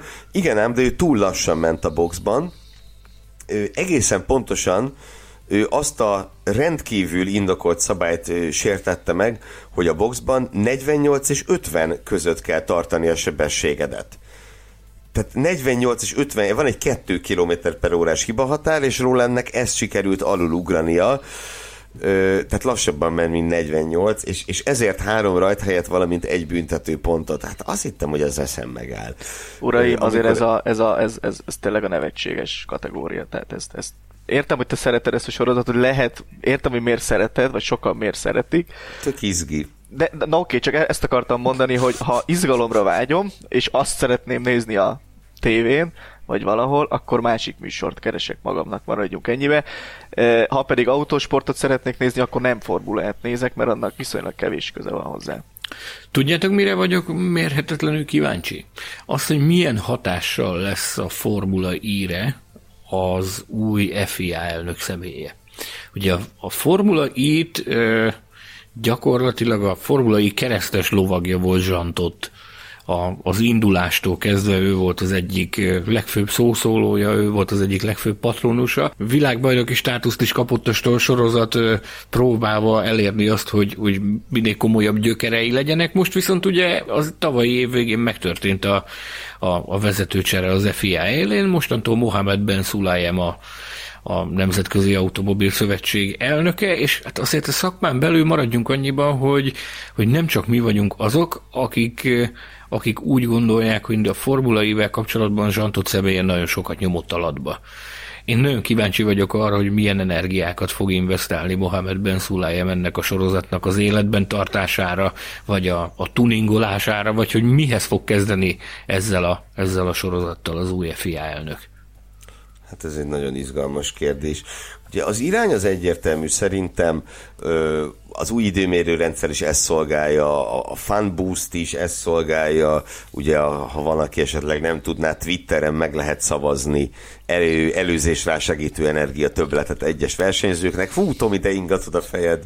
De most ennek van köze ahhoz, hogy te milyen autóversenyző vagy, hogy a te csapatod milyen autót csinál. Hogy a nézők Nincs. megszavazzák. Tehát akkor ezt először, Nincs. először hallottam most, hogy ilyet, ilyen lesz majd akkor a Formula E-ben. Hát gyerekek, jó, rendben van, mindent értek. Mi a... rád akarjuk küldeni az SMS-t, amikor a virtuális rally autódon repesztesz, de még senki nem mondta, hogy annak lenne bármiféle hatása. Tudod? Sajnos ilyen nincs. Sajnos ilyen nincs. Igen, aztán ugye ott van a támadó mód, ami, ami egyébként de nem röhög. Azt szerintem egy nagyon jó dolog. Jó. Tehát Tomi, most szerinted nem egy jó dolog az, hogy direkt el kell rontani egy kanyart, és ezután három percig gyorsabb lesz az autód? De ez feltétlenül azt a célt szolgálja, hogy, hogy te jó autóversenyző legyél, igen, igen, igen.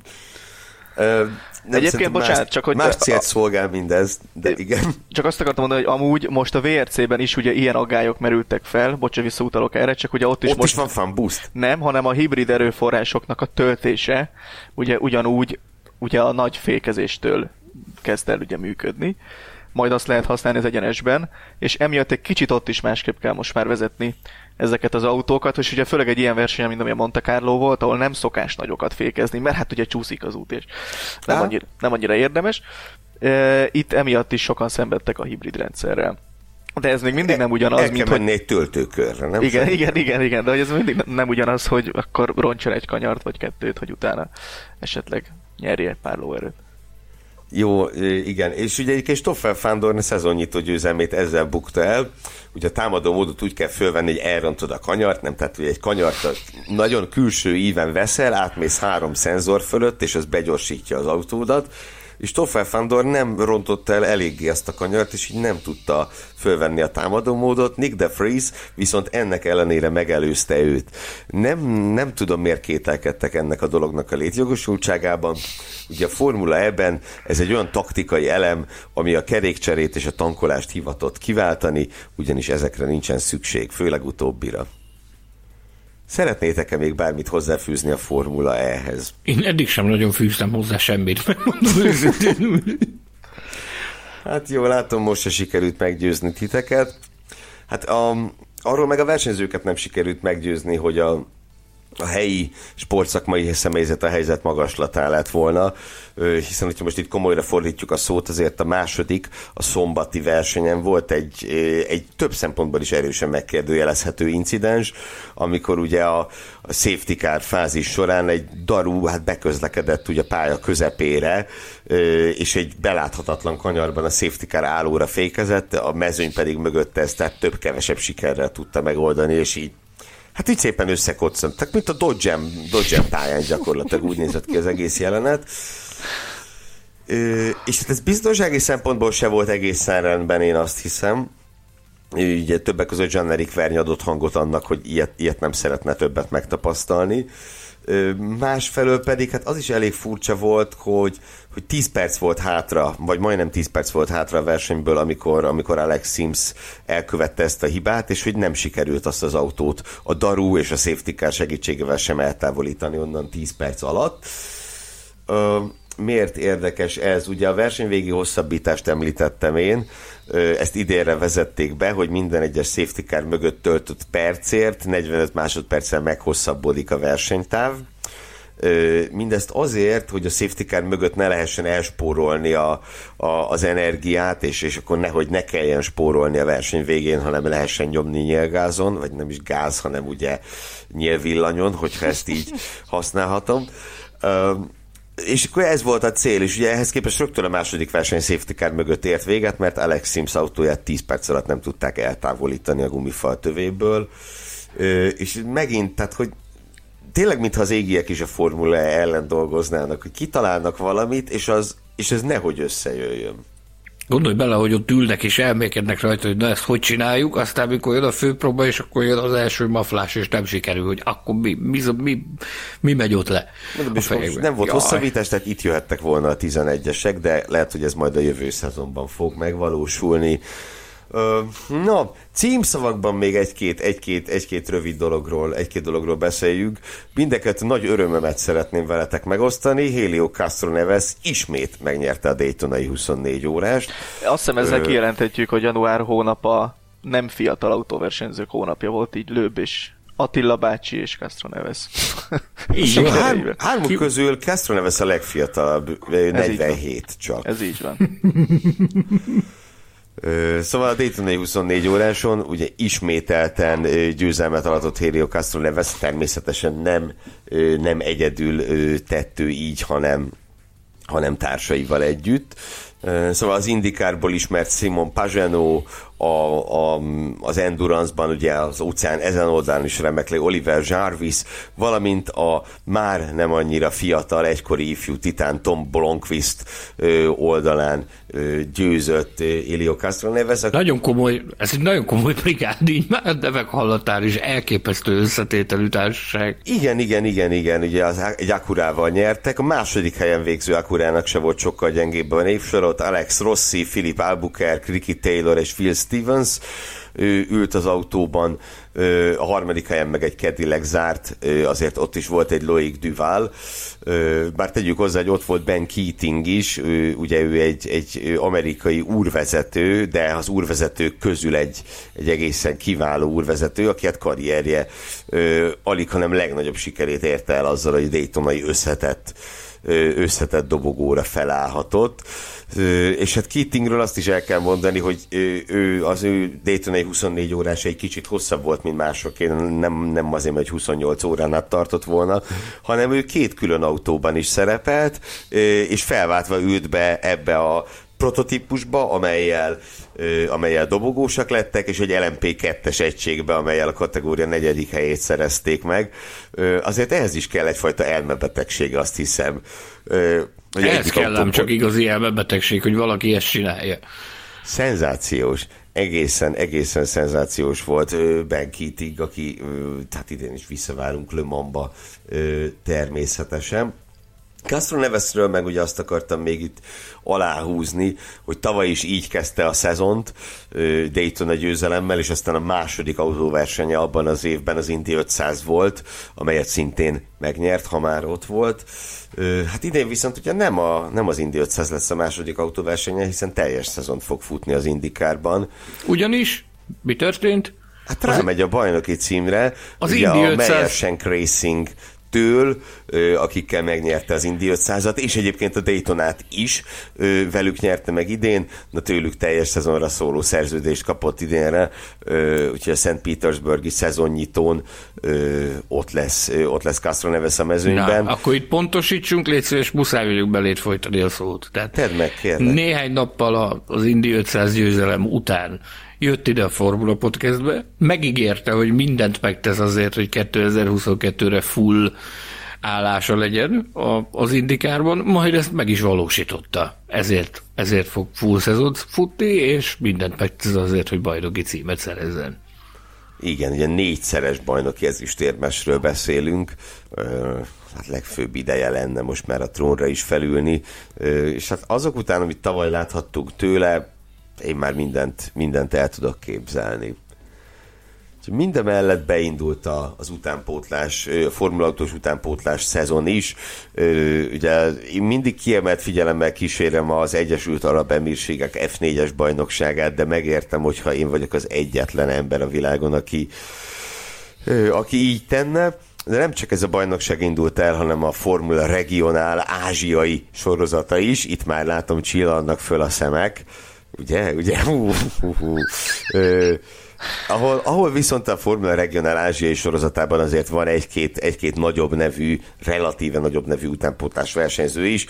Arthur Lökler vezeti például ezt a nem túl változatos bajnokságot, olyan szempontból nem túl változatos, hogy az öt verseny hétvége 15 futamát összesen két helyszínen bonyolítják le, egyaránt az emírségekben, Abu Dhabiban, illetve Dubajban futják ezeket a versenyeket, és hát egy magyar versenyző is van a mezőnyben, amit mindenképp meg kell emlékeznünk, ugye Révész Levente, aki a szezont, a teljes szezont majd, legalábbis reméljük, hogy teljes lesz, az Európai Formula Regionál sorozatban futja, itt a, az Ázsiai Formula Regionálban hat verseny után a bajnokság 17. ö, pozíciójában szerepel, Ö, egyébként azt néztem, ez így elég érdekes, hogy egyébként 17 hogy mindössze kettővel van előtte az a, az a Paul Áron, aki hát a Mercedes junior csapatának tagja, és ez hát kettejük közül mindenképpen Révész Leventére nézve hízelgő ez, hogy, hogy mindössze két pozíció választja el őket egymásról,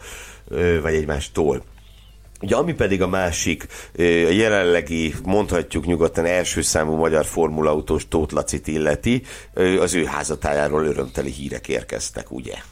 Igen, ugye a tavalyi szezonban debütált Tóth Laci az F3-ban a Campus Racing színeiben, és idén folytatja a pályafutását, folytatja a pallérozódást, a tapasztalatszerzést. Az F3-ban, viszont már egy másik csapattal, mégpedig a Se- a Csehárúzzal ö, napokban írták alá és jelentették be ezt a bizonyos megállapodást. Ugye ezt, ha a csapatot nézzük, és az előző évek, vagy az előző év eredményeit nézzük, akkor az kijelenthető túlzás nélkül, hogy ez a csapat, ez egy, ez egy prágai székhelyű társaság, és jóval meggyőzőbb eredményeket produkáltak 2021-ben, mint a Campos. Itt reményeink szerint Lacinak jól fognak alakulni a dolgai, és, és 2022-ben komolyabb háttérrel tud harcba szállni ebben a roppant népes és roppant kemény mezőnyben, ami, ami körvonalazódik jelenleg is az idei évre az F3-ba. Úgy legyen, ebben mindenképpen bízhatunk. Azt hiszem nagyjából mindent megbeszéltünk, ami a január ami január hónapot illeti, és a januári motorsportot illeti, talán tekintsünk még kicsit előre. Ugye itt rövidesen elkezdődnek az autóbemutatók, mármint a Formula 1-es autóbemutatók. Persze ez más kérdés, hogy amit bemutatnak majd, annak mennyi köze lesz a valósághoz. Az autók kialakítását tekintve valószínűleg a négy kerék és a Glória megléte fogja az összes az összes hasonlóságot jelenteni az ilyenkor bemutatott és a ténylegesen pályára gördülő autók között. Hát nyilván így lesz ez most is, nem? Mm, még mielőtt ennyire előre ugranánk, én egy picit egy picit korábbi dátumra hívnám fel a figyelmet, mégpedig ennek a hétnek a, a csütörtökére, február 3-ára, amikor a kiszivárgott információk szerint a Nemzetközi Automobil Szövetség Motorsport Világtanácsa szokatlan módon rendkívüli ülést tart majd, ahol, ahol információink szerint és a nemzetközi sajtóban is napvilágot látott információk szerint elsősorban személyi kérdésekről döntenek majd, de talán várhatunk már valamiféle fejleményt annak a vizsgálatnak legalább az állapotával és a státuszával kapcsolatban, ami az Abu Dhabi nagy díj kapcsán indult. Én, én nem gondolnám, hogy, hogy konkrét döntésekről ö, hallunk majd, de, de hogy valamiféle valamiféle visszaigazolás érkezik azzal kapcsolatban, hogy éppen hol tart és milyen fázisban tart ez a vizsgálat, azt szerintem majd érkezik jelentés a, a VMSC rendkívül ülése után. Az, hogy mi lesz Michael Mázi személyével, hogy ő maga marad-e versenyigazgató vagy sem, erről egyelőre semmi konkrétumot nem tudunk, információk vannak, mégpedig plegykák, spekulációk, és egyre inkább úgy tűnik, hogy abba az irányba haladunk, hogy megosztják majd a versenyigazgatói tevékenységet. Abba most nem menjünk bele, hogy milyen formában, maradjunk annyiban, hogy, hogy elképzelhető, és nagyon nagy a valószínűsége annak, hogy nem egy személy kezében koncentrálódik majd minden, ami, ami a, a versenyirányítást illeti óriási felhorgadásokat láttam a médiában azzal kapcsolatban, hogy bevezetik a videóbírót a Forma 1-ben is. Ö... A Formula E példájából tanultak, hogy ezek a, ne, focis, ezek a focis dolgok ezek nagyon működnek. Ez a fajta megközelítés, ez, ez, ez, ez nagyon-nagyon Furcsa. Félrevisz, nem? Bizony, rettetesen félrevisz. Tehát a Forma 1 tulajdonképpen már nagyon-nagyon régen feltalálta a saját maga videóbíróját, hát minden, minden esetet mindenféle kameraszögből, meg mindenféle kameraállásból, adatokkal felspékelve szoktak végig, végig, végignézni, tehát ez így ebben a formában nem helytálló. Maradjunk annyiban, hogy a, a azok alapján az információk, plejkák, spekulációk alapján, amik érkeznek az FIA házatájáról, itt arra készülnek, hogy gyakorlatilag egy, egy másodlagos versenyigazgatói iroda kerül majd online kialakításra, ahol, ahonnan támogatják majd a verseny, versenyirányításnak a helyszínen dolgozó szárnyát. Ez azért nem ugyanaz, mint a videóbíró. Nem, nem, nem, persze, abszolút nem. Úgyhogy várjuk az izgalmas híreket ö, aztán várjuk az F1-es autóbemutatókat, meg majd a tesztet, és ö, Tomi hozzád pedig az lenne így legalábbis mára az utolsó kérdésem, hogy mit várhatunk a Rally VB-n. Ugye itt a naptárban azt látom, hogy következik ö, Svédország február végén, ott lesznek-e az öregek? Lőb és Ozsié, mit lehet erről tudni? Nem, és azt hiszem ezt nagyon jól is teszik, hogy nem lesznek ott. Ez a futam, ez mindkettőjük számára egy ilyen mumus szokott lenni szinte mindig úgyhogy itt, itt, ide nem ugranak be, itt nem is indulnak tényleg csak akkor, hogyha nagyon-nagyon muszáj. Itt általában mind a kettő szokott hibázni is, úgyhogy nem. Viszont ö, olyan információk kezdtek el itt terjengeni, hogy a nyilván az M-Sport, a Ford és a Red Bull, aki ugye jelen pillanatban a főszponzora ennek a csapatnak, hát ők nyilván itt a Monte siker után, illetve az emiatt keletkező nagy média felhajtás után szeretnék Löböt meggyőzni azért még jó pár futamra. Ugye ő alapvetően erre az egy versenyre szerződött, hiszen ahogy már utaltál rá korábban, ő egyébként az, az Extreme E-ben, illetve a Tereprali VB-n is versenyez, ahova szerződések kötik, és hát amikor éppen nincs ott futam, vagy hasonló dolog, akkor meg, hát ugye nem fiatal emberről beszélünk, meg amúgy is szeretne otthon lenni, úgyhogy nem akar ő minden hétvégén versenyezni, mint, mint Attila bácsi, akiről itt Sanyi már beszélt korábban.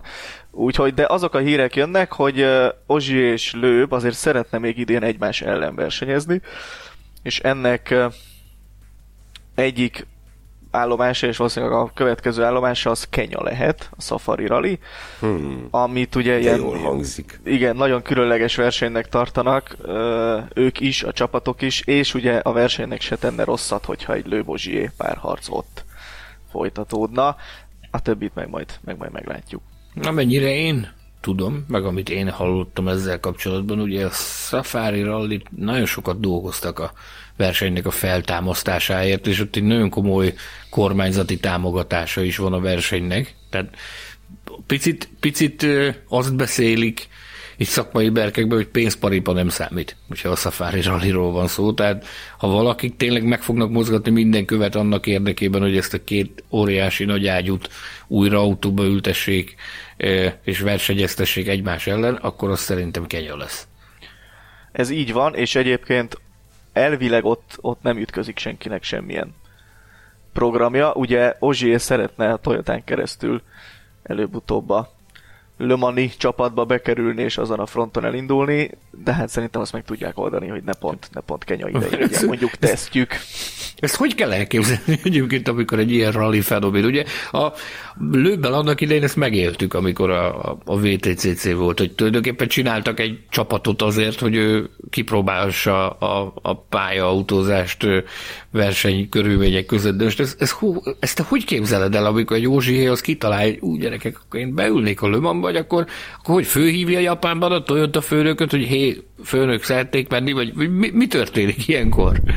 Ez egy érdekes kérdés azért is, mert ugye amíg Löb ugye Citroen legenda volt annak idején, és ugye ő Citroennel ment utána a VTCC-ben is, Ozsi egyáltalán nem a Toyota házi legendája, meg házi, házi embere. Ő ugye kettő szezont ment összesen ennél a csapatnál. Eddig, ez a harmadik, ami nem lesz teljes szezon, úgyhogy azért neki olyan mélységű kapcsolatai, meg befolyása nincs itt a sportprogramra, mint amilyen mondjuk mondjuk Löbnek volt. De ugye Ozsé tesztelt már hasonló autókat, ment ugye a Red Bull Forma 1-es autóval is, állítólag ügyes volt, úgyhogy valószínűleg meg tudja győzni őket, hogy ő ilyet akar. Hát meglátjuk, ugye nyilván te lennél idén... a Toyota főnök, Gergő, mit mondaná? Ha? Hát most tudod, mit mondasz egy 8-szoros rally világbajnoknak? Ez, a, ez, a, ez itt a nagyon nehéz kérdés, mert másfél ugye idénre már nyilván összeállt a Toyota legénység, tehát itt alig ha ö, alig ha számolhatunk azzal, hogy, hogy beültetnék Sebastian Ozsiét. Hát ami a következő szezont illeti, hát majd meglátjuk, ugye lesz egy újonca a legénységben, egy bizonyos Rio Hirakawa személyében, akit nyilván nagyon alaposan választottak ki, de azt mégse tudjuk, hogy éles körülmények között ő mire képes. És hát ott van ez a Pecsító López, akinek azért meg-megremegett a keze jó párszor. Hát én azt mondanám neki, nagyon jó, hogy nem nekem kell az ilyesmiről dönteni, ez a Toyotának még legalább annyira jó, mint nekem, hogy akkor tessék persze végig nyomni ezt a szezont, végig tesztelni, vagy ilyenkor ugye meg lehet azt csinálni, hogy beültetik egy LMP2-es, egy-két versenyre valahol befizetik, hogy akkor menjél ott, nézzük meg, mit tudsz, tehát lepattintani nem lehet egy nyolcszoros rally világbajnokot, hogy a fenébe tudná. Nem, hogyha azt mondod neki, hogy nem jöhet öreg, arra olyan bizonyítékot kell szolgáltatnod neki, hogy ő is belássa, hogy ennek esetleg akkor nincs túl sok. Igen, és erre egy nagyon jó megoldás valahol befizetni az LMP2-be, ahol azért 10 csapatból 11 az várva várja, hogy jöjjön az utalás. valaki, valaki beülne az autóba.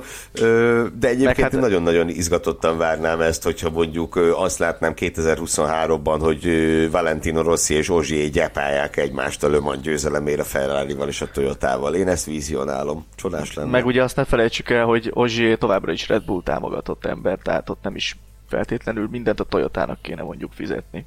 Ennek kapcsán, ennek kapcsán ezt jó is, hogy ezt erre rámutattál, mert ezt szeretném, szeretném kikérni a véleményedet ezzel kapcsolatban, hogy biztos, hogy még mindig Red Bull támogatott az Ozsié? Láttad azt a nyilatkozatot a, a hétvégén, vagy most a napokban látott napvilágot, amikor az Ozsié nem tudom melyik újság, de Kerek Perezbe mondta, hogy tulajdonképpen a, Hamiltontól elrabolták, a, ellopták a világbajnokságot. Nem tudom, hogy ez a Red Bullnál, ez egy, mit szólt ez Helmut Márko, hogy egy kiemelt Red Bull támogatott sportolói egy nyilatkozattal haknizik. Igen, ez egy, ez egy érdekes dolog. Egyébként mondjuk az Ozsié már korábban is hozott bajt itt a munkáltatói fejére az ő speciális nyilatkozataival, úgyhogy hát érdekes azért, igen. De hát addig még, addig még esetleg tud elnézést kérni, és megdicsérheti jobban Max Verstappen-t, hogy... Lehet, hogy ez már meg is történt egyébként. Köszönjük, hogy velünk tartottatok a Formula Podcast utolsó januári adásában. Amelyben ugye itt az év első hónapjának legfontosabb motorsportos eseményeit tekintettük át. Terveink szerint a héten még jelentkezünk, bízunk benne, hogy a tervekből valóság lesz majd, addig is viszont jó néhány dolgot ajánlhatunk a figyelmetekbe, mindenek előtt a frissen megjelent legújabb autósport és formula magazint, magazinunk idei első számát, és ha már ugye itt van körünkben ennek a ennek a terméknek a vezető szerkesztője, akkor meg is kérnélek Tomi arra, hogy röviden ajánd a hallgatók figyelmébe, és a reménybeli olvasók figyelmébe, hogy mit is találhatnak az AFM idei első számában.